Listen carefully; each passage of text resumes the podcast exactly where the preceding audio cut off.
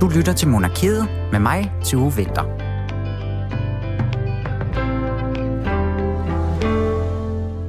Om en uge, der løber der en kæmpemæssig historie- og kulturbegivenhed af stablen. Det er festivalen Golden Days, der i år har temaet Queens. Så det må jo lige være noget for sådan et øh, kongehusinteresseret program som vores, som du altså lytter til lige nu her på Radio 4. Vi får besøg af Sofie Harder i dag. Hun er programansvarlig for hele Molevitten, og hun skal fortælle os lidt om, hvad man så kan opleve, og hvorfor de lige netop har valgt, at det er dronninger, eller queens, som de selv kalder det, der skal danne ramme om årets festival. Så skal vi også tale lidt om en kommende dronning og hendes mand, fordi at kronprinsparet de rejser ind så længe til New York. Øhm, og her der skal de sørge for, at Danmark de bliver valgt ind i FN's Sikkerhedsråd. Om det så er en form for en, øh, en kongelig trumf, den danske regering sidder med i sådan en sammenhæng her, det skal vi altså også lidt dvæle lidt ved, fordi vi skal tale med kongehuskommentator på Berlingske, det er Jakob Sten Olsen, om den her sag, og det skal vi inden så frygtelig længe. Men allerførst, så skal vi lige have gang i Julia Lindhardt Højmarks mikrofon, så vi to lige kan løbe lidt andre øh, kongelige nyheder igennem for jer. Mit navn det er Tue Vinter. Velkommen til Monarkiet.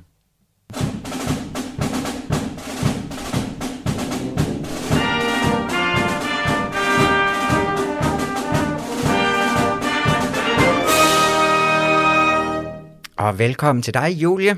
Mange tak, Tu. Du er med igen i dag. Det er bare simpelthen så dejligt, fordi at inden vi går i gang sådan rigtigt med dagens program, så skal vi jo altså vanen tro lige kigge på lidt andre små ting, store ting, der er sket rundt omkring i den, øh, i den kongelige verden. Ikke? Jo. Og Julie, du har fundet en, en lille historie over fra, øh, fra det store England, havde jeg nær sagt, det store Britannia, Ja, ikke? som vi lige skal starte med. Prøv lige at... Ja, og sig, hvad det hvad er handler det om. noget? Og når, tu, når du og jeg plejer at sige øh, England eller Storbritannien, så plejer, øh, kunne jeg forestille mig, øh, i hvert fald nok nogle af lytterne nok, at sidde derude og tænke, hmm, er det Meghan og Harry, eller er det Prince Andrew, eller øh, er det måske endda Elizabeth, eller hvor skal vi hen? Vi skal simpelthen Ja. ja. snakke om en, som jeg aldrig tror, du og jeg har været øh, omkring endnu. Nok fordi hun er så ung, og egentlig ikke ellers tiltrækker sig sådan, øh, overhovedet sådan særlig stor opmærksomhed. Det er nemlig dronning Elisabeths næst yngste barnebarn, som er hende, der hedder Lady Louise. Og øh, hvis man ikke lige har hende sådan frisk på nethinden, så kan man sige, at hun er den ældste af Prince Edwards to børn. Og Prince Edward, det er jo så ham, der er dronning Elisabeths yngste barn. Ja, ja, vi er ligesom langt nede i affølgen her, ikke? men dog jo stadigvæk et, et, et dejligt barnbarn. Lige præcis. En, en dejlig 18-årig øh, pige, var jeg lige ved at sige, men så er man jo per definition en, en kvinde. Men en kvinde, som af en eller anden grund ikke er prinsesse. Det prøvede jeg ellers at tjekke lidt op på, hvorfor, øh, hvorfor der ikke lige faldt en prinsessetitel af til hende, men hun skal, skal nøjes med at være lady. Øhm, det kan jeg simpelthen Mm. ikke lige gennemskue. Der er forskellige øh, bud på, hvad det drejer sig om, så det tør jeg ikke sidde her og, øh, og sige, at det handler om enten det ene eller det andet. Men Nej, i hvert fald, i og med, at hun er en af dronningens børnebørn, og jo på den måde, jeg tror, kunne hjælpe med, det er nummer 18, hun er. I hvert fald, hun er i, øh, i rækkefølgen af dem, der er potentiel arving til tronen. Så er hun jo også en, der nogle gange, øh, hvad skal man sige, er i medierne og offentlighedens søgelys. Og det må man sige, hun har været øh, i den seneste tid, fordi hun har faktisk haft et lille sommerjob hen over den seneste tid, mm. så hun har kunne, øh, kunne tjene en lille skilling. Øh, og det er faktisk meget øh, konkret en lille skilling, fordi det, hun har fået opmærksomhed øh, for, eller det, der har været opmærksomhed omkring, det er, at hun simpelthen har haft et arbejde i sådan et øh, gardneri eller havecenter, hvor hun har haft en meget, meget lav løn. Faktisk en løn, der er så lav, at den ligger lige omkring den britiske mindsteløn. tænk at det var det, der skulle få hende med i monarkiet på Radio 4. Det er jo ikke særlig glamourøst. Nej, tænk en gang. Men jeg synes, det er det, der er så interessant, at det er, øh, at nu skal man så sige, at den her løn, den er ikke så lav, at vi er ude i, i en eller anden diskussion om noget royal dumping. Fangede du lige mit ordspil der? Haha. ja, det var Øh, flot.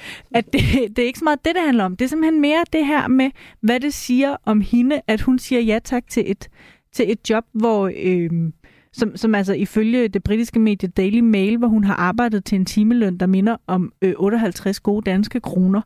Og Ja. det er jo så ikke mange penge, man så kan nå at, at skrabe sammen på sådan en uge.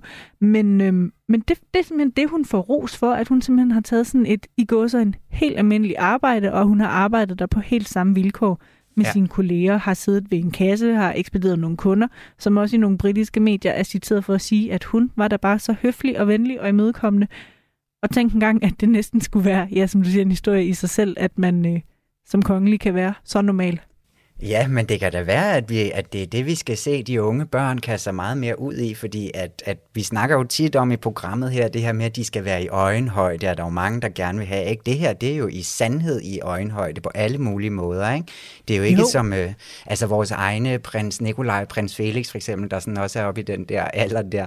Altså deres sommerjob, det har jo været sådan noget hos Mærsk og et eller andet internship, der har ført dem videre ind i CBS-verdenen og sådan noget der. Ikke? Hold nu op. Ja, jeg Præcis. elsker det. Jamen, jeg synes også, det er helt igennem skønt. Og jeg kommer også til at tænke på, at det er meget i overensstemmelse med det, der sådan generelt er min opfattelse af den her øh, Wessex-familie, som de, altså de er Wessex-paret, fordi det er ligesom dem, de er, hvad hedder sådan noget, hun er grevinde af Wessex, og han er Earl of Wessex, altså øh, ja. Lady Louises forældre her. Øhm, det er jo i virkeligheden ikke nogen, vi hører særlig meget om, og det kan jo godt hænge sammen med, at det bare er, er lidt mere øh, op i tiden at tale om, om Andrew og nogle af de andre ballademager. Men i virkeligheden, så virker de jo bare som nogle enormt sådan stille og rolige nede på jorden øh, mennesker. Ja, og man har altså virkelig set, hvis man følger sådan de forskellige huse inde på Instagram, altså under øh, den engelske kongefamilie, både, både den engelske sådan, hovedprofil, men også alle de andre, fordi at Clarence House med Charles og Camilla har deres egen, og ja, øh, det, Cambridge-paret har deres egen og sådan noget. Altså, og der kan man se, især ind på hovedprofilen, at, øh, at de er trådt meget længere frem. Det er altså dem, der bliver bragt historier om, også nu hvor de nemlig ikke har Andrew eller Meghan og Harry, de ligesom også sådan kan, øhm, ja, hvad, hvad hedder yeah. sådan noget, suge lidt yeah, på, havde jeg kan... sagt. Ja. Der er i hvert fald, øh, det bliver spændende at se, om Lady Louise på en eller anden måde kommer til at gå øh, i et eller andet omfang i, i William og Kates fodspor. Hun skal i hvert fald her efter sommer starte på øh, samme universitet, det der hedder St. Andrews University, som er et skotsk universitet, som også var der, hvor, øh, hvor William og Kate de, øh, de mødte hinanden i sin tid. Åh, oh, cute.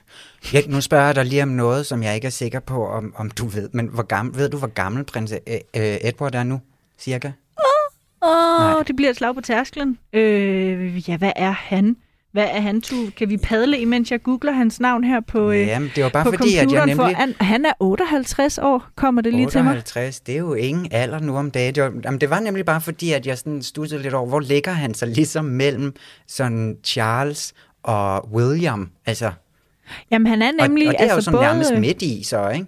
Det er det, fordi både Edward og, og hans storebror, øh, øh, Prince Andrew, der er jo efternøler. Øh, ja. Øh, Charles og Anne var jo omkring... Ja, hvad har, Charles har været omkring 10 år, da, da de her to lømler fuldt ja. med. og han kom altså så til sidst ham her. Men det er jo nemlig, at så er de jo også, så har, har de jo måske også bare fået en lidt, måske ikke anderledes opdragelse selv, men i hvert fald vokset op i et, et i et samfund, der måske minder mere om det, som William også på en eller anden måde er vokset op i, og der man giver nogle sådan lidt mere, mere måske ja, folkelige værdier med videre til sine børn, ikke? Sådan jo, og måske barn også der. bare helt per automatik, når man er øh, så meget desto mere længere nede i rækkefølgen, og det, der, der er del med meget, der skal gå galt, for at det nogensinde er hverken Edward eller Lady Louise, der kommer i spil til, til den britiske trone. Måske gør det, at der bare er mere plads til ja, at leve et lidt mere normalt liv. Ja, og så må man jo altså også bare håbe, at hun elsker planter, og det er derfor, hun har været ude og arbejde det gardneri. Eller sådan, altså. Bestemt. Vi håber, hun ja. har haft en dejlig sommer der. La, ja, endelig, og så også held og lykke på universitetet med hende. Jeg håber, vi kommer til at snakke mere om hende her, Lady Louise. Ja. Men vi bliver altså så, nu bliver jeg også lidt tvivl igen, det må så være fætter, ikke? Jo, fætter William. William. Ja, lige præcis. Og hans kone Kate, fordi at de flytter altså, øh, de rykker teltpælen op og flytter. Og det synes jeg også, nå. vi skal snakke lidt om. Fordi, nå. ja, ja, det, Hvor flytter de det, hen, du? Jamen, jamen, nu skal du høre, de flytter ud i sådan en lille hytte ude ved Windsor, der hedder... Øh, Ja, ja, ja. Nu skal det da heller ikke blive alt for, for jordnært og almindeligt derovre. Jo, det, jeg kan love dig for ud på den her kæmpe, kæmpe grund, som, uh, som det her Windsor, ja, grund jo er, ikke? Men Adelaide Cottage flytter de ud i, som altså Nå. ligger lige omkring Windsor uh, Castle, hvor at, uh, at dronning Elisabeth, hun også jo har fast resident nu, ikke? Um, ja, som hun har haft siden uh, pandemien, så har hun ligesom uh, sagt, jeg bor derude kun. Nu er det altså her, jeg er. Ja. Ja, nå, men det som jeg synes, der var sådan lidt sjovt ved det her, at, øh, at nu skal de altså flytte fra Kensington Palace, hvor de har boet indtil nu, altså midt inde i byen, og så skal de nemlig flytte tættere på oldemor, og så også hele Kates familie, som også bor i det her område, den her kommune eller county, eller hvad man kalder det derovre.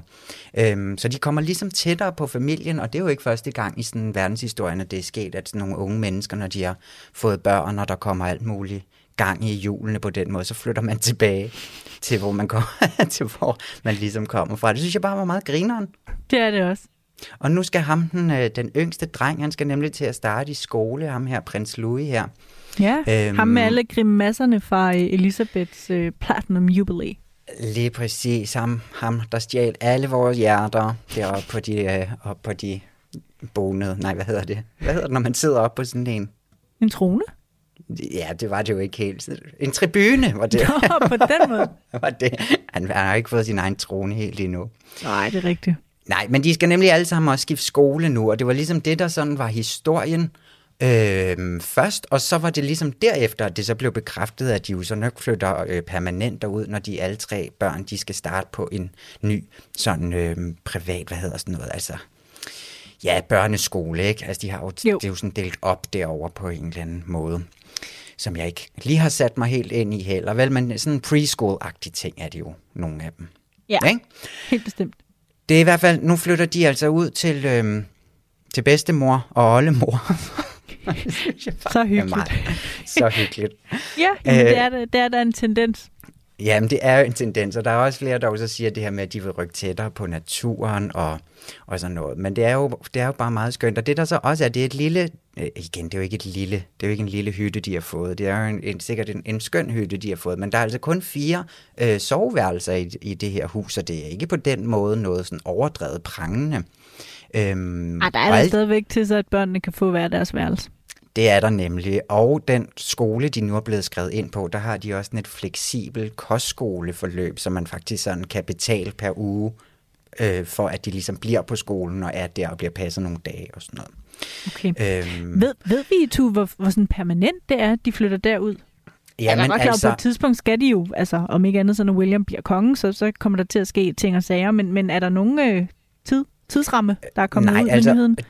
Det, som der ligesom stadig ligger i det, er, det er, at den her, øh, altså Kensington Palace forbliver der sådan officielle bolig. Det bliver mm. nok sådan lidt der, de tager ind og arbejder, kunne jeg forestille mig. Ikke? Men det her med, når man putter smag, tre små børn i en skole, sådan derude omkring, så må man jo gå ud fra, at det er der, de regner med sådan at leve deres liv. Ikke?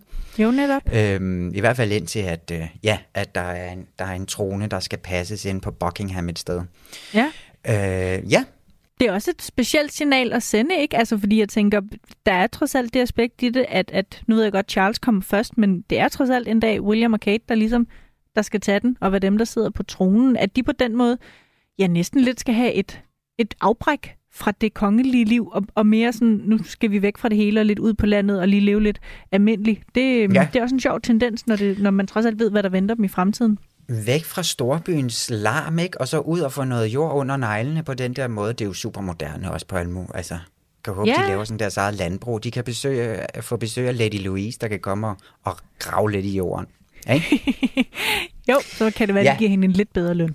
Ja, det, ej, det, det håber jeg. Det, det håber jeg lidt. Ja.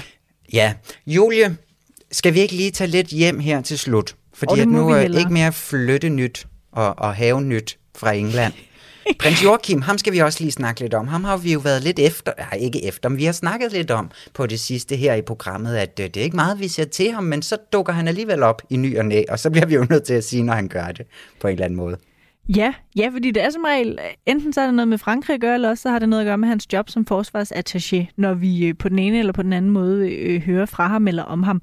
Øh, så øh, man kan jo næsten, altså jeg kan faktisk lidt glemme, at, at prins Joachim sådan set stadigvæk har et hav af protektioner øh, herhjemme i Danmark. Øh, og en af dem, han stadigvæk er, eller noget af det, han stadigvæk er protektor for, det er den pris, der hedder prins Henriks Europa Nostra pris. Øh, det er så selvfølgelig en, en, en pris, der har noget at gøre med hans afdøde far. Og, øh, og det er altså en pris, der øh, årligt bliver uddelt til en organisation eller en person, som har gjort en særlig indsats for at bevare og støtte den nationale kulturarv. Og det, øh, den har prins Joachim altså så for nylig uddelt til, øh, til Inge Bisgaard, som, øh, ja, som simpelthen skulle have den i år. Ja, Og tillykke ja. til uh, Inge Biskov. Stort tillykke til Stort Inge. tillykke med prisen, og tillykke med os nemlig at se uh, prins Joachim sådan lidt i en kongelig aktion igen. Ja, man kan sige, altså det er jo lige før, bare her, når jeg sidder og siger det, så går det jo op for mig, at, at det kan jo nærmest ikke engang rigtig kvalificere sig som en nyhed, det her. Men altså, det er bare meget interessant at følge med i, hvad, hvad det er, vi stadigvæk ser fra prins Joachim. Altså, han er jo øh, stadigvæk en del af kongehuset, og, øh, og når, han så er, når han så er her, så må vi jo forholde os til det, han laver. Det, det må vi jo helt bestemt, så går vi ham i bedene. Jeg tror også, var det ikke... Jeg tror også, Fredensborg Slots, øhm, øh, Slotspark, der blev renoveret for nogle år siden, de vandt også denne her pris. Om det havde vi faktisk et helt indslag om. Det havde vi nemlig. Øh, om Europa Nostra-prisen her, fordi at det ligesom er the Oscars of sådan, øh, ja, hvad hedder sådan noget? Ja, sådan arkitektur og landskabs... Øh, ja, kunst. restaurering og sådan noget. Lige præcis. Jo. Ja. Øhm, Ja, og, og man kan så sige, altså, det, af god grund, så er det jo så ikke prins Henrik selv, der længere uddeler den her pris. Men der er også en lille krølle på den her halvkedelige historie, det indrømmer jeg gerne. Og det er altså, at, at apropos prins Henrik, så faldt jeg simpelthen over sådan en skøn lille historie her i ugens løb, øh, som jeg ikke ville have drømt om knyttet sig til ham. Men øh, tu, nu skal du høre her, fordi Kristelig Dagblad havde for nylig en historie om, at der i løbet af de seneste 10 år er kommet flere og flere, der ønsker at få, øh, få udleveret asken fra deres kæledyr, når de dør. Øh, og det her det er så altså ikke en historie, der har noget at gøre med, at, at dronningen og prins Henrik har haft mange hunde, og, og hvad de så i øvrigt har gjort med dem, efter de har forladt øh, dette sted. Men i artiklen, så er der så på et tidspunkt det her citat, som jeg simpelthen ikke kunne fjerne mine øjne fra, fordi direktøren for et kæledyrskrematorie, han udtaler så på et tidspunkt, citat, vi har oplevet en markant stigning i ønsket om askespredning efter prins Henriks død. En del af hans aske blev nemlig nedsat i en urne i den private have på Fredensborg Slot, og den anden del spredt i de danske farvande. Så jeg skal ikke kunne sige, om der er hold i det, men vi har simpelthen at gøre med en direktør for et kæledyrskrematorie, som sætter lighedstegn mellem prins Henriks ønske til, hvad der skulle ske med hans aske, og at der nu til synligheden er, er en ny trend blandt kæledyrsejere, som gerne vil sprede deres kæledyrsaske. Det har bare sat gang i bæksten hos dyrekrematorierne over hele det. over hele Eller tværtimod. Deres, øh, ja, det ved jeg ikke rigtigt. Der må, der må så være en, en bisættelsesdel, som ikke så meget finder sted mere. Jeg ved ikke, hvordan det foregår med kæledyr. Nå, nej, men krematoriet, skal det ikke bare brænde dem af, og så kan folk ligesom gøre Nå, med jo. asken, hvad man vil bagefter? det er virkelig, det er virkelig en mærkelig, en mærkelig sådan connection at lave. jeg havde aldrig nogensinde troet, at, at man skulle kunne koble, hvad, hvad kæledyrsejere gør med deres afdøde dyr, til hvad hen, prins Henrik i sin tid valgte omkring sin egen død. Øh, Nej, men, altså, Nej, men det er, ja. godt, det er da godt, den kan sætte gang i en industri der. Der er i hvert fald, øh, det, det er et citat, så den må stå for egen regning. Der, ja. der er en ny tendens. Og Julie, lad os endelig slutte på det citat. ja. Tak skal du have. Men Julie, faktisk ja. så op, har, vi har jo nogle øhm, øh, tekniske problemer, oplever vi simpelthen i dag, så det er simpelthen dig, der får lov til at køre hele værtsrollen øh, i dag. Du skal snakke med alle gæsterne, og, men så er jeg tilbage sammen med dig i quiz, når vi har hørt, hvad de har at sige til dig. Men tak for nu i hvert fald, siger jeg så alligevel. Ja, men selv tak, Tu. Jeg håber, jeg kan være en okay stand-in for dig. Jeg er sikker på. Held og lykke. Tak, du. Vil de have en pude i ryggen?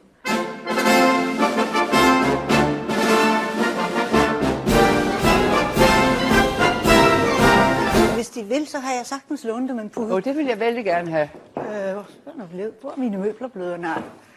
Jeg men tror, deres majestæt, det er meget nødt til at sidde på en pude. Hvis jamen, det er bestemt ikke Og det er til ryggen, vi tænker. simpelthen for... Over, tusind tak. Jeg synes, det kunne, jeg kunne se, at de følte dem lidt langt tilbage. Det er rigtigt nok, øh, men jeg troede, jeg skulle sidde på en pude. Det nej, nej, nej, nej, nej, nej, nej.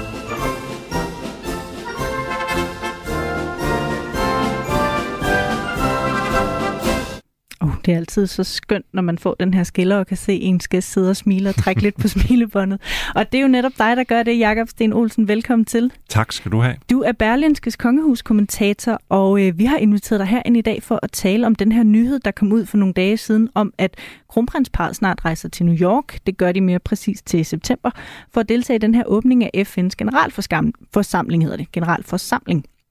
Det er sådan set noget, der sker hvert år, at de her 77 medlemslande de mødes for at tage hul på et nyt FN-år. Men i år der er kronprinsparet med, Og det hænger nok især sammen med, at Danmark snart vil forsøge at blive valgt ind i det, der hedder FN's Sikkerhedsråd, som er et af de mest magtfulde organer i, FN.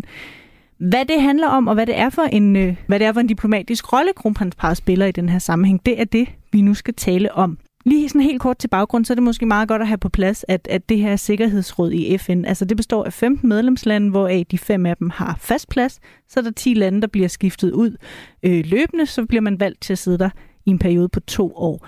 Og øhm, det er faktisk først for perioden 2025 til 2026, at man fra den danske regerings side forsøger at få Danmark valgt ind i rådet. Så, Jakob Sten Olsen, hvorfor øh, er det i år, at vi ser kronprinsparet øh, tage med til den her åbning af, af FN, og hvad er det i det hele taget, det handler om?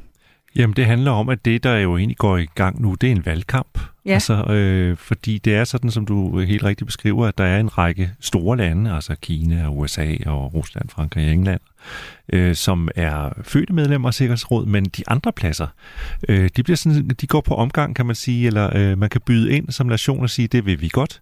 Øh, men det er der jo sikkert givetvis nogle andre der, lande, der også gerne vil.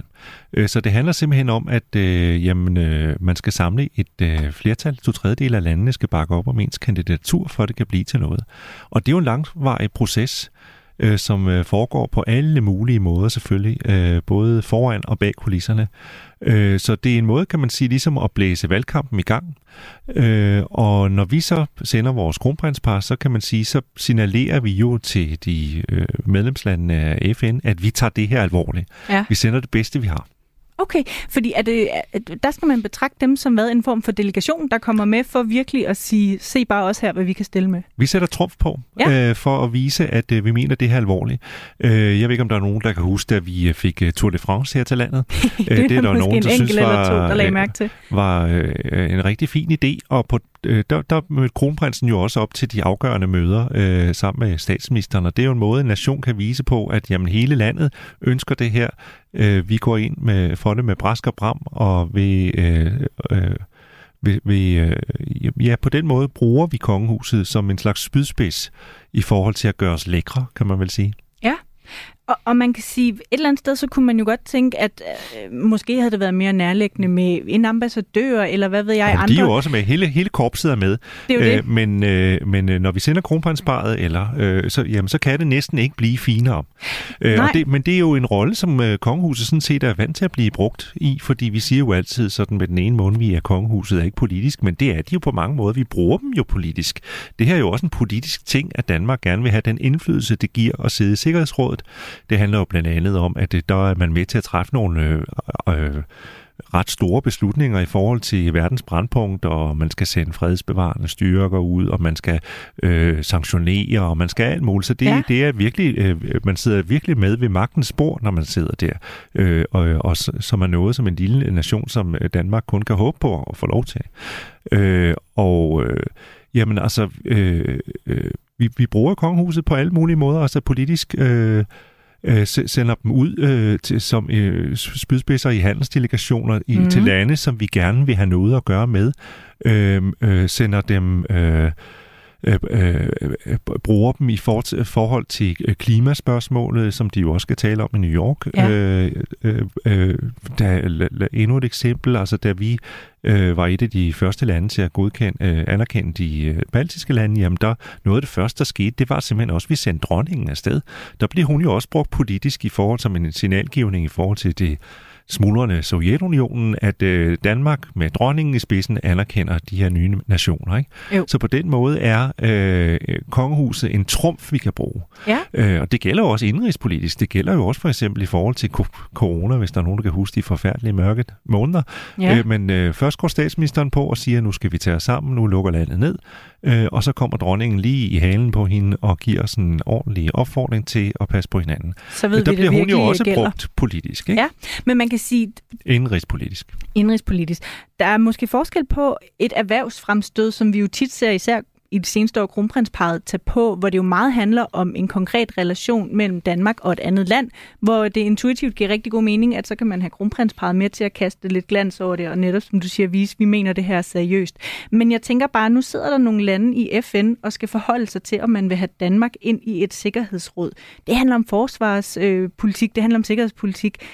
Hvad i alverden er det, kronprinsparet kan der? Hvem er det, de skal imponere i forhold til, at andre lande vil tænke, ja, det er da Danmark, der skal være med til at tage ansvar for vores allesammens sikkerhed? Det er klart, at der er en hel masse politiske spørgsmål bag kulissen, som også er afgørende for, at man vil pege på Danmark.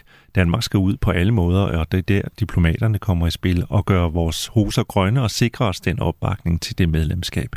Som det jo lykkedes os at få før. før. Mm. Altså sidste gang var det i 2005 og 2006. Øh, men øh, det er klart, at når vi sender kongehuset, så har det jo den samme effekt, må vi gå ud fra, som erhvervsdelegationer også fortæller os, at kongehuset har. At det er bare noget særligt og med de der kongelige. Det handler om, at der er ikke så mange, der har dem. Mm. Øh, og øh, folk herhjemme kan jo blive vanvittige øh, nærmest og flå håret af hinanden for at få lov til at gnide skuldre med de kongelige, øh, hvis de kommer til en provinsby. Øh, og sådan er det sådan set også lidt, øh, når vi sender vores kongelige ud i verden, at så er det bare lidt sjovere og mere interessant at tage imod øh, invitationen til en reception eller til en middag eller et eller andet, hvor, hvor der bliver kastet kongelig glans over. Mm. Øh, det, det er en særlig magi ved det, øh, ja. som er vores, øh, som vi kan bruge som trumfkort her. Ikke? Så er det også lidt det, der bliver deres konkrete, konkrete rolle, at når nu Danmark på en eller anden måde skal battle med andre lande om at sige, kom lige over til vores middag, så I kan høre vores argumenter for at skulle komme med, så tænker man, ah, der, der er der et kronprinspar med, så vil vi hellere til den fest. Ja, det kan man sige. Øh, det er en måde at skabe opmærksomhed om øh, kandidaturet på, som jo så bliver blæst i gang her i forbindelse med FN's åbning. Ja. Det er jo klart, det er ikke nok. Der Nej. skal benhårdt arbejde til, og politiske realiteter og alt muligt. Øh, men det er en måde, det er en, det er en del af charmeoffensiven. Øh, jeg har selv ja. øh, været med til en middag øh, i New York, øh, dengang Danmark sidste gang kom med. Øh, på det tidspunkt vidste man ikke, om det lykkedes, men øh, man annoncerede sit kandidatur, og det gjorde man blandt andet øh, ved, at generalkonsulatet i New York de afholdt en øh, stor middag på BB Kings Nightclub midt på Broadway, en kæmpe sådan natklub. Ja. Øh, og jamen, der var øh, kronprinsen også til stede, og Kofi Annan og sådan noget. Jeg sad helt nede bagved Nå, jeg sammen. Lige sige, det var en fornem Nej, jeg sad helt ellers. nede øh, ved øh, bordet i det, øh, længst væk, øh, nede ved toiletterne sikkert, sammen med øh, Victor Borges arvinger. Det var åbenbart sådan nogen, der altid... Ja, det, det var skide hyggeligt, øh, men det er altid sådan nogen, der bliver åbenbart inviteret med. Det er sådan lidt Danish royalty, forestiller mig i New York, at ja. øh, Victor Borges arvinger er man gode venner med. Ikke? Det er gode venner af Danmark. Øh, og så var der en delegation i øvrigt for Folketinget, som tilfældigvis øh, var, var øh, på øh, en form for erhvervspraktik, havde jeg sagt, i FN og skulle lære om det system i 14 dage. Øh, man skulle tro, det kunne nås på kortere tid. Nå. Øh, men, øh, og så var der en hel masse repræsentanter fra alle mulige lande i hele verden, som man øh, selvfølgelig gerne ville imponere med det her. Ikke? Øh, så øh, øh, jeg har sådan med egne øjne set lidt øh, i forhold til, hvordan det fungerer. Det, det er blandt andet ved, at man indbyder til sådan nogle middage og receptioner ja. og sådan noget. Øh, med altså med de kongelige i, i spidsen. Dengang havde vi kun en kronprins.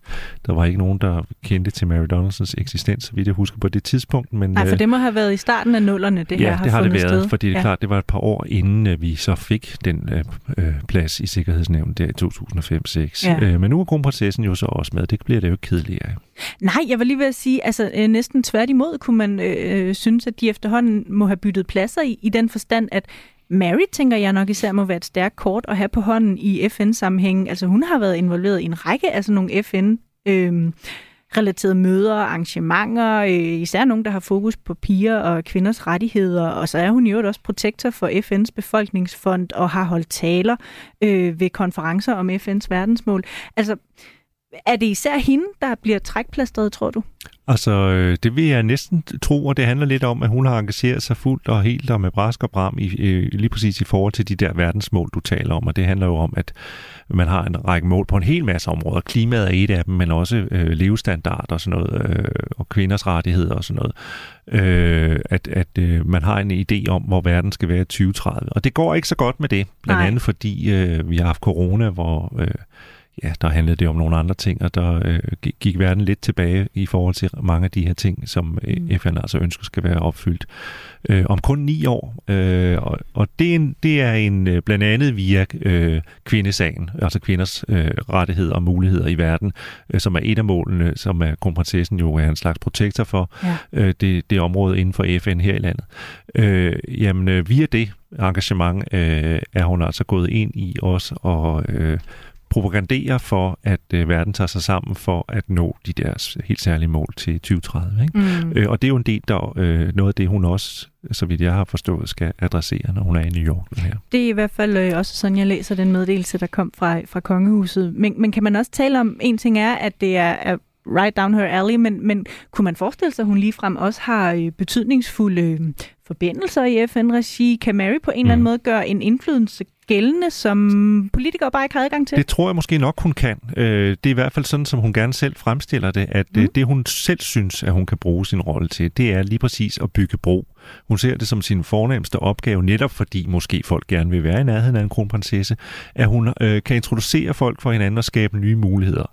Øh, for en af hendes kongstanker, det er, øh, som hun har gentaget, den pointe har hun gentaget i mange sammenhænge, mm. at øh, vi er nødt til at finde, øh, øh, kan man sige, utraditionelle alternativer og, og øh, nye alliancer og øh, prøve nogle nye ting af, øh, som vi ikke har prøvet af før, øh, fordi hvem ved, det kan være, det er en brik, som kan hjælpe til, at ja. vi altså rent faktisk når de der mål. Det der med, at man opnår kontakt til nogen, som man ellers ikke hvis der arbejder med samme sag, eller man kan drage nytte af hinandens erfaringer. Og der mener hun, at hun kan spille en rolle i den sammenhæng. Ja. Udover de her øh, middage, receptioner og lignende arrangementer, som vi andre nok desværre ikke får så meget øh, indblik i, eller får lov at tage del i. Du gør måske, det skal jeg kunne sige, jeg gør nok igen. ikke. Næppe, Næppe igen. igen. Tror du ellers, at man udad til vil se for eksempel Mette Frederiksen og kronprinsesse Mary til et eller andet arrangement, eller, eller hvordan tænker jeg for offentligheden, skal vi mere konkret forvente, at kronprinsparet bliver synlige i den her sammenhæng? Altså i den videre færd for at få os øh, derhen, hvor vi gerne vil. Lige præcis. Altså øh, klimasagen er jo klart, at øh, lige præcis hvad det angår, hvis vi lige tager den først, jamen det er jo en sag, som kronprinsparet allerede er dybt involveret i, og som de har udpeget som en af deres hovedsøjler i det øh, virke, de har. Ikke? Mm. Altså, de vil jo gerne som kronprinspar øh, være sådan, øh, lidt mere aktivistiske i forhold til øh, den traditionelle kongelige rolle, og de vil gerne øh, bruge deres kendthed og deres øh, privilegerede status til at gøre en forskel øh, på en lang række områder. Blandt andet klimasagen altså en af de så det, det kommer de til at arbejde stødt og vi, øh, roligt videre med. Øh, I forhold til øh, i forhold til Sikkerhedsrådet, der forestiller mig ikke, at det er noget, man vil trække på hele tiden. Altså, de, nu annoncerer vi vores øh, medlemskab, og det gør man selvfølgelig ved at sende en ordentlig fyrværkeri op og en ordentlig raket op. Øh, og så, så, så forestiller jeg mig i den sammenhæng, at kronprinsparet så har gjort deres i forhold til lige præcis det spørgsmål. Øh, så er det, øh, så, så er det øh, katten sluppet ud af sækken, så har man øh, øh, slået på tromme for det, og så øh, går det diplomatiske arbejde i gang derfra. Ikke? Simpelthen. Så må vi øh, håbe, øh, jeg havde nær sagt, at, øh, at det lykkes. Altså, det, alt andet lige er det jo et meget specielt kort at have på hånden. Det er øh, absolut en fordel, hvis man gerne vil vide, hvad der foregår i verden. Og være, øh, vi er jo et lille land, øh, men øh, øh, for os vil det være øh, øh, altså en naturlig ting at sidde der i forhold til, at vi jo også er et land, som, øh, det er bare min personlige holdning, som jo øh, så vidt muligt engagerer os også i er verdens brandpunkter og øh, også oplever, øh, det gør hele Europa jo lige pludselig i øjeblikket, at sikkerhedsspørgsmålet, som vi troede måske ikke var så øh, presserende, mm. lige pludselig er blevet det. Øh, så på baggrund af en udvikling i verden sådan lige omkring os selv, øh, kunne jeg da forestille mig, at, man, at det har øh, at det også har bidraget til, at vi synes, at det kunne være interessant og væsentligt at sidde der. Det er jo lykkedes ja. for os en række gange at sidde der, ja. øh, og nu er det ved at være et, øh, nogle år siden. Tiden går jo stærkt. Det vil være små 20 øh, jeg, år siden, hvis det så, lykkes igen, ja. Øh, må det ikke det lykkes? Jo. Bare lige her til allersidst, nu har vi talt om, hvordan den danske, danske regering ligesom kan ja, i går så en bruge kronprinsparet i den her sammenhæng. Kan man tale om, at kronprinsparet også selv har noget på spil, eller noget, de kan opnå netop i forhold til det her image, øh, de gerne vil skabe omkring sig selv? Altså, verden er jo ikke bare os selv, øh, kan man sige. Øh, det, det er jo nok gået op for os i stigende mm. grad, at øh, især hvis vi skal løse nogle af de store problemer, der er i verden, jamen så er det noget, der transcenderer landegrænser. Vi kan ikke løse klimaspørgsmålet øh, for os selv.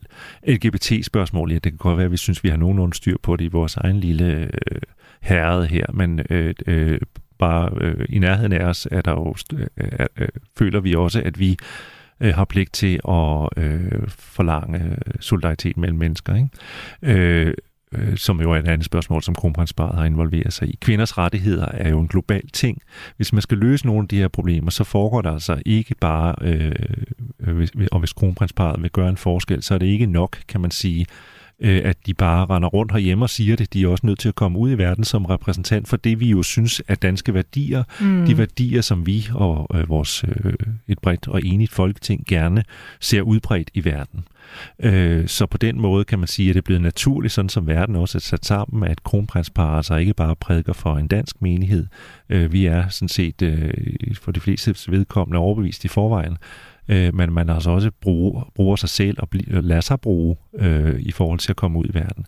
Øh, og så virker det der i øvrigt som om, at, øh, og det er måske også meget naturligt med den internationale baggrund, som især kronprinsessen jo selvfølgelig har. Hun er jo fra Australien, øh, og, øh, og at, at hun øh, har verden som sin legeplads, og det er jo et internationalt par i forvejen på den side med deres respektive baggrund og sådan noget. Ikke? Øh, så, så jeg tror da, at de, sådan virker det, også synes, det er interessant at komme ud og prøve at påvirke en verdensdagsorden. Ja, det bliver i hvert fald interessant at følge, og du skal have tusind tak, Jakob Sten Olsen, som blandt andet er kongehuskommentator på Berlinske, fordi du ville lægge vejen her forbi. Efter at kongen i statsrådet havde givet sin officielle godkendelse af forlovelsen, og Grev Henri derefter var blevet præsenteret for ministerne, fik pressen lejlighed til at fotografere de forlovede i audienssalen sammen med kongen og regeringens medlemmer med statsministeren i spidsen. Og der blev taget billeder i tusindvis.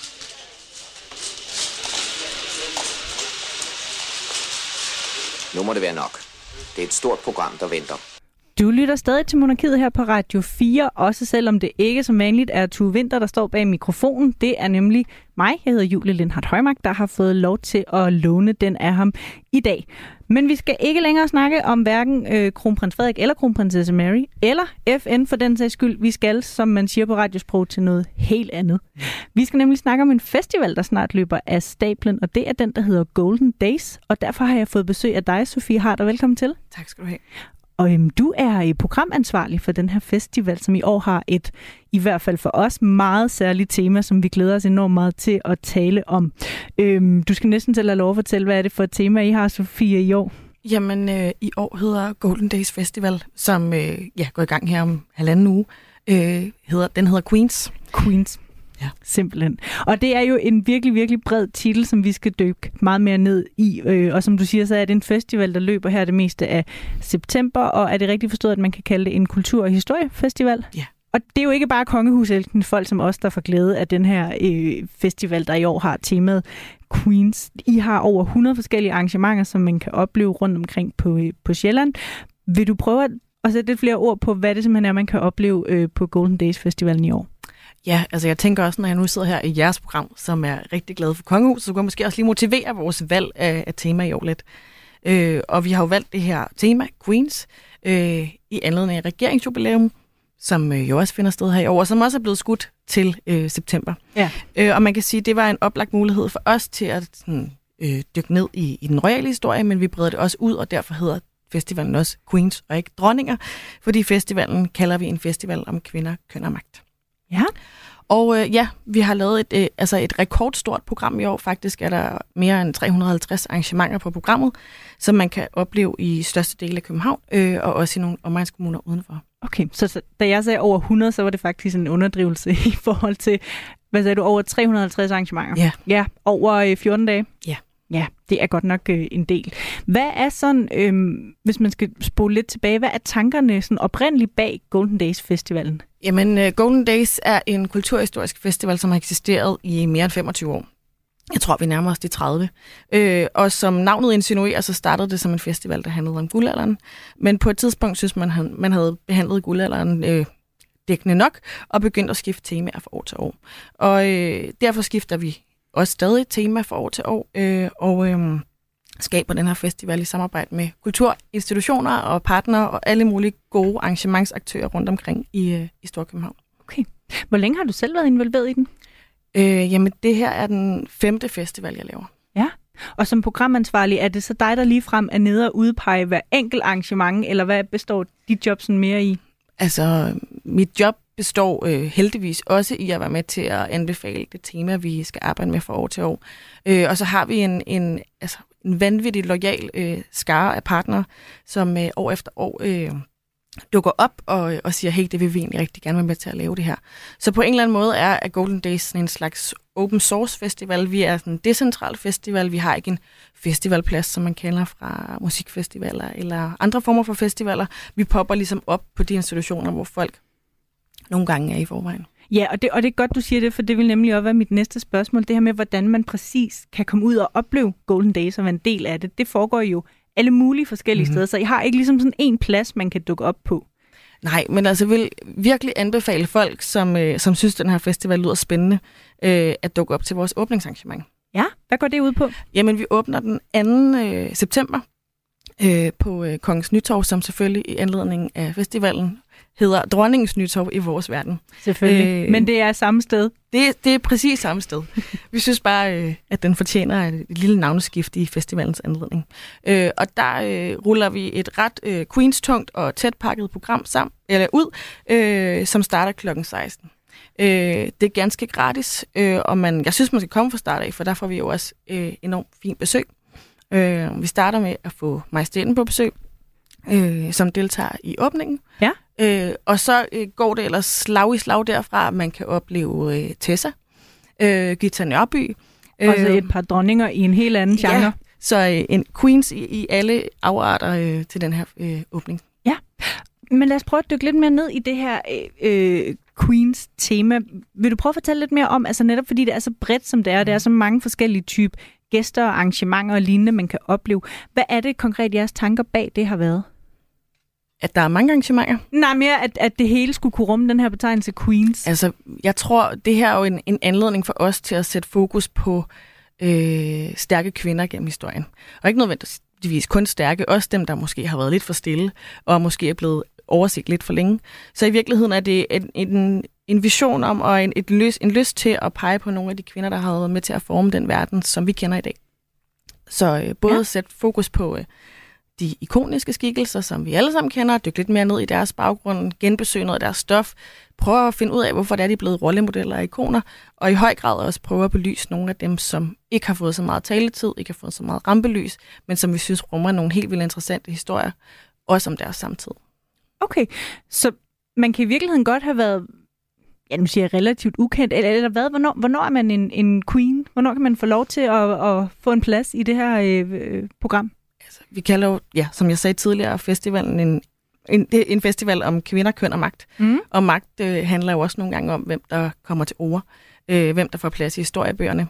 Og, øh, og det har vi også prøvet faktisk at, øh, at arbejde helt aktivt med i en, en udstilling, som vi åbner også den anden på Dronningens Nytorv, øh, som er en udstilling, vi kalder 50 Queens, øh, som vi har lavet i samarbejde med øh, øh, Bjarke Engels Group og øh, Charlottenborg, hvor vi rejser øh, 50 pedestaler og dedikerer alle sammen på nær en til, til navngivende kvinder fra Danmarks historie, ja. som vi synes fortjener, at man, man lige genopdager dem. Vi synes, de fortjener ind at blive sat op på en pedestal. I virkeligheden synes vi også, de fortjener en statue. Men vi efterlader pedestalerne tomme for at pege på det fravær, der er af kvinder i byrummet, men også i historiebøgerne. Ja, men øh, uden overhovedet, at jeg kan stå her og sætte en finger på jeres idérigdom, så tænker mm. jeg, at det her med at gerne vil øh, give kvinder en mere retmæssig plads i historien, og i det hele taget øh, måske også skrive historien om i forhold til de meget sådan forsimplede roller, man har givet nogle kvinder i mm. tidens løb. Det er der jo egentlig rigtig meget fokus på for tiden. Det er også noget, vi har talt om mange gange i det her program. Ja. Øhm, så man kan sige, noget vi også tit har spurgt folk om i den sammenhæng, det er, Hvorfor tror du, det sker netop nu? Hvad er det i tiden, øh, der gør, at I for eksempel også vælger at have det her fokus? Ja, altså det er helt rigtigt, og jeg vil også gerne, altså netop når vi er en historisk festival, give dem hatten til alle dem, der i de seneste årtier har forsøgt øh, at få øh, flere kvinder ind i historieskrivningen, og alle dem, der gør det nu. Altså på den måde er vi jo ikke banebrydende på den måde. Jeg tror bare, at vi har en forhåbning om, at øh, vi med så stort et partnerlandskab bag os, øh, kan nå bredt ud og øh, nuancere nogle ting, fordi vi er helt vildt mange, og fordi vi er rigtig mange, der gerne vil. Godt, men lad os prøve at bringe lidt af det her øh, øh, famøse blå blod ind i, øh, mm. i programmet her, også i forhold til, hvad man netop kan, kan se frem til at opleve hos jer. Øhm, der er jo forskellige øh, arrangementer, man kan kaste sig over. Øh, jeg er faldet over nogen på, på det, der hedder Davids Samling, hvor man kan høre om arabiske dronninger gennem historien. Den synes jeg lød ret interessant. Den ja. ved jeg simpelthen intet om selv, så det var sådan noget, jeg godt kunne finde på at tage til. Ja. Hvad er der ellers, man kan glæde sig til? Jamen altså, jeg har bedt mig om at pege på et arrangement, et arrangement som, øh, som sætter den royale historie i spil, og man kan sige, Jeg synes, den royale historie er interessant, øh, eller historien om dronningerækken, hvis man kan sige det sådan, øh, fordi at øh, fortidens dronninger i virkeligheden også fortæller rigtig meget om, hvordan man har betragtet kvinder, og hvordan man har betragtet forholdet mellem kvinder og magt. Ja. Øh, jeg har prøvet at pege på nogle arrangementer i, øh, i programmet, som har en lidt øh, sådan en bredde. Øh, og øh, jeg synes, at man skal starte med at øh, tage til samtaler på Slottet, som er en arrangementsrække, som Rosenborg laver øh, hvor de snakker om dronninger i alle mulige afskygninger. Ja. Øh, det her arrangement hedder så specifikt Dress to Impress, fra dronning til drag, og som snakker om de her øh, magtsymboler, som i virkeligheden altså, er i forhandling, både i dragpraksisen, men også som har været det igennem øh, kongehushistorien, det her med, på et tidspunkt gik kongerne også i kjole, og kvinderne har taget bukser på som et oprør mod det gængse. Øhm, den her øh, eftermiddag får Rosenborg besøg af Tinus, som er en stor drag queen. Ja. Og øh, så er han i samtale med museumsinspektør, der hedder Jesper Munk Andersen, som er en super dygtig formidler, og en historiker, der hedder An- Annette Herbst. Ja. Jeg tror, det bliver super fint, og det er oppe i øh, altså den smukkeste sal på Rosenborg Slot, så man heller ikke lige sådan kommer ind i til Nej, det er hverdag, det, det. det her lille slot, der ligger øh, ja, lige ved siden af Kongens Have. Lige præcis. Og der så jeg jo også har et, øh, et andet øh, hvad hedder sådan noget, arrangement, hvor man kan komme i dronningernes fodspor. Ja. Så Jamen, der er, er masser der af er ting, masser man kan opleve bare på Rosenborg. Ja. Ja. Har du taget andet godt med til os? Jamen, så synes jeg, altså, at man skal tage i Brøndshøj Vandtårn. Ja. øh, den 10. september og se øh, et uddrag af Drømmedøden, som er en opera, Josefine Opsal har lavet om Margrethe den Første. ja. Øh, Margrethe den Første har været ret meget i vælden for tiden, og er ligesom blevet, øh, ja, fået Og lidt... hun bliver jo også bare ved med at imponere. Ja, helt vildt. Og det er Merete Pryds-Helle, der har skrevet øh, ordene til den her opera. Jeg tror, det bliver en helt vildt flot oplevelse, også fordi det rum, de har der i Brøndshøj Vandtårn, bare helt vildt magisk. Hold da op. Der er også en, jo en god anledning til at få set det, hvis man ikke lige har været der før. Helt bestemt, helt bestemt. Ja, jeg kan nævne også øh, noget, jeg faldt over. Ja. Øh, det er godt nok, ja, nu skal man så tænke øh, blåt blod sådan, på en mere bred palette, men der er også øh, noget, man kan opleve, som har at gøre med i hvert fald adelens historie, mm. fordi I har et arrangement om øh, historien om grevinden fra Bagsvær. Det Ja. sy- synes jeg også i sig selv var sådan en fantastisk titel, som kan rumme alt muligt. Ja, men der er jo helt vildt mange øh, lokalhistoriske heltinder også, som, Ja. øh, som der bliver sat fokus på under den her festival. Så altså også en opfordring til at, øh, at undersøge, hvilke arrangementer der er i ens lokalmiljø, fordi der er rigtig Præcis. mange. øh, Ja, og noget af det særlige ved det her er, at det jo også er sådan en form for, øh, hvad kalder man sådan noget, lyd? Lydoplevelse eller lydvandring. I har i hvert fald også et arrangement om Grevinde Danner, hvor man kan komme på lydvandring. Hvad er det for et, for et greb her, I tager i brug for ligesom sådan at udvide paletten af muligheder? Man kan sige, at lyd er jo rigtig godt til at opleve byrum. Og nogle gange husker vi jo historien ret godt, hvis vi knytter det til noget fysisk, som vi alligevel vandrer rundt i i vores hverdag. Ja. Så det er der nogle af vores partnere, der gør brug af, og det synes jeg er et ret fint greb til netop at øge historiebevidstheden. Nu nævnte du også øh, selv det her med, at I jo får utrolig øh, fornemt selskab på åbningsdagen her den 2. september, nemlig af dronningen, dronningen ja. over dem alle, om. Ja. jeg så må sige, i den her sammenhæng. Øh, hvad er det for en dag, man kan se frem til der, og hvilken rolle kommer sådan dronningen til at spille? Jamen, dronningen kommer til at deltage i åbningen af den her udstilling af de her tomme pedestaler. Ja.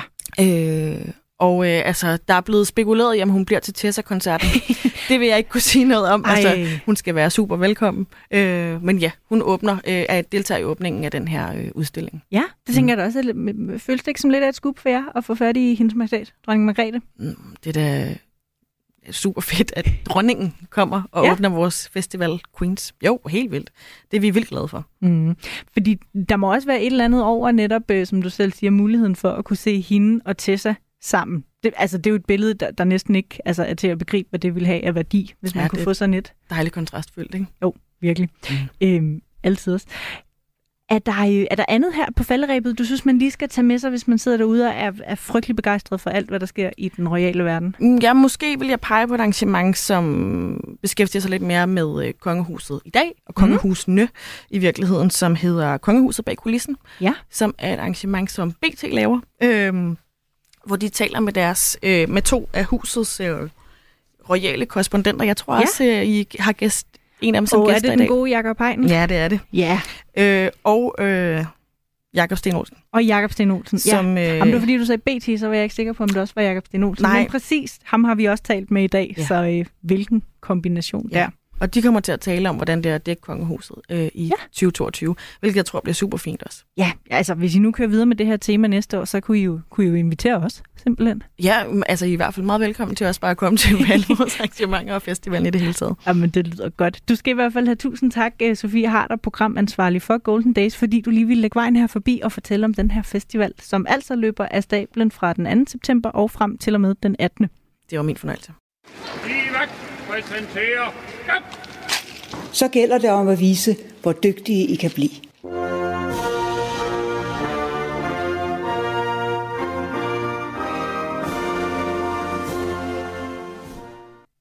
Og så er jeg altså tilbage i studiet her, fordi at nu skal der quizzes, og Julie, du har jo så været på overarbejde i dag, så jeg håber, du stadig har lidt, uh, lidt stemme tilbage. Er ja. du der? Ja. Lidt. Ja, det går lige, tu. Jeg, jeg kan altid klemme en quiz ind. Jamen, det er godt, fordi at vi skal, jeg ved, jeg ved, jeg glæder mig sådan til at høre det. Jeg, jeg har ikke haft mulighed for at høre det endnu, men jeg ved, at de har snakket om queens i dag jo. Det har øhm, Og det skal dreje sig om endnu en queen nu, fordi, nu skal du bare høre her, nu kommer der en lidt kringlet vinkel.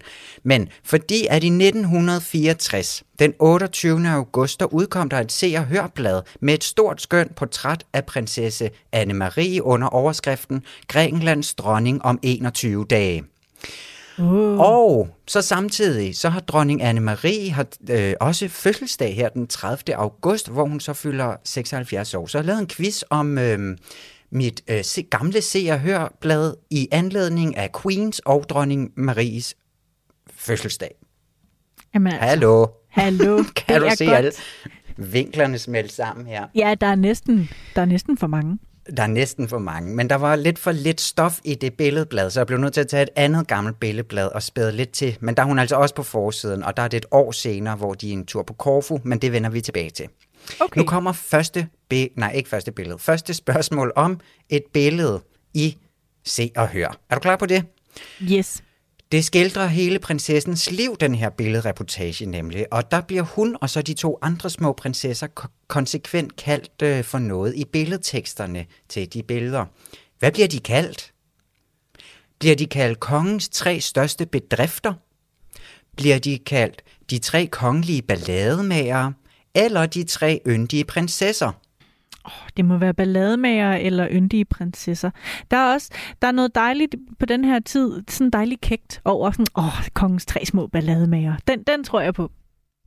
Ja, der tror jeg, du skal huske, at det er, er, er små piger, vi har med at gøre, fordi det var jo selvfølgelig, selvfølgelig bare yndige prinsesser, Julie. Nej, men det er jo for det oplagt. Tue. Ja, Det, det var plejer jo de aldrig at tre- være det oplagte, der er, der er det rigtige. Hvis der havde været tre prinsebørn, så var de jo nok ikke blevet kaldt det. Så var vi nok uden ballade med, eller en fræk lille prins, eller et eller andet, ikke? Ja. Julie, desværre ikke noget point i den første, den store Anne-Marie The Queen quiz. Nu kommer spørgsmål to. I det her meget lille forskrifter, så er til de skønne billeder, der kommer se og hør med noget af en påstand. Fordi de skriver, at om tre uger bliver hun dronning af Grækenland, og dermed er hun en af verdenshistoriens... Hvad skal du nu gætte? Er hun en af verdenshistoriens yngste dronninger? Er hun en af verdenshistoriens yndigste dronninger? Eller er hun en af verdenshistoriens mest prominente dronninger? Verdenshistorien altså, snakker vi om. Verdenshistorien. Hun må på en eller anden... Altså, hun var jo... Var hun ikke 18 år, da de blev gift, så hun må jo simpelthen rent faktuelt have været en af verdenshistoriens yngste. Så den prøver jeg at gå med. Rigtigt, Julie. Et point. Hurra. Men jeg prøvede lige at lave sådan et meget hurtigt lille faktatjek på det, og, altså, og, og det kan godt være, at hun har været en af verdenshistoriens yngste dronninger, men der har jo været, altså været en masse dronninger, der sådan er blevet født til at være dronninger, som så har blevet det fra fødslen nærmest nogle gange. Ja, okay. Ja, men altså, det, det var de altså enige om, at det var, øh, at der, ja, det var sådan, det var. Det var sådan, de valgte at formulere det. Julie, vi, kan godt, vi tager lige et spørgsmål til her. Sidste spørgsmål kommer her. Året efter i 1965, der er de taget til Korfu, og verdenspressen er fuldt med. Se og Hør kalder den for den helt, øh, den, den helt ukendte Korfu, for nu verdensberømt, efter at Anne-Marie og kong Konstantin har gjort ophold på øen. Anne-Marie, hun er højgravid, og Se og Hør har fået fat i deres læger. De skal på en, øh, altså, de skal til fest på en yard, og hvad råder lægerne øh, dronningen til, fordi hun er så gravid? Altså sådan omkring den her fest. Ja. Det blev lidt indviklet, det er jeg ked af. Forstod du? Øh, jeg gjorde. Jeg er med i tvivl om lytterne, men dem kan vi jo ikke spørge. Dem, I må holde fast derude, kære lytter. Ja. Nå, men nu kommer øh, Svaren. Hvad siger lægerne omkring den her tur på hjerten? Siger de A, at Anne-Marie måtte blive hjemme i sengen og få ro og hvile? Eller mente de, at det sikkert ville være en adspredelse for hende her i de sidste ventedage? Eller sagde de, at hun godt kunne gå med, hvis hun ellers kunne holde sig for uzoen? Det må være, øh, man skal altid holde sig for uzoen. Det går jeg med. Ved du hvad, hun skulle bare ud og have lidt dejlig adspredelse i de sidste ventedage her, Julie. Ja, ja. Hun har fødselsdag lige om lidt, det er den 30. august, og så fylder hun 76. Tillykke med hende. Julie, der er ikke mere monarkiet i dag. Jeg glæder mig til at høre det efterfølgende i dag. Jamen, det er godt. Og vi kan i hvert fald godt uh, love, at du er stærkt tilbage næste uge. Det er jeg helt bestemt. Og tak for i dag, Julie. Og nu får I alle sammen... Ly- øh, alle, ej, se hvor stresset jeg bliver nu. Alle kære lyttere, vil jeg sige. Nu kommer der nyheder, og vi er nemlig tilbage om præcis en uge. Tak for i dag.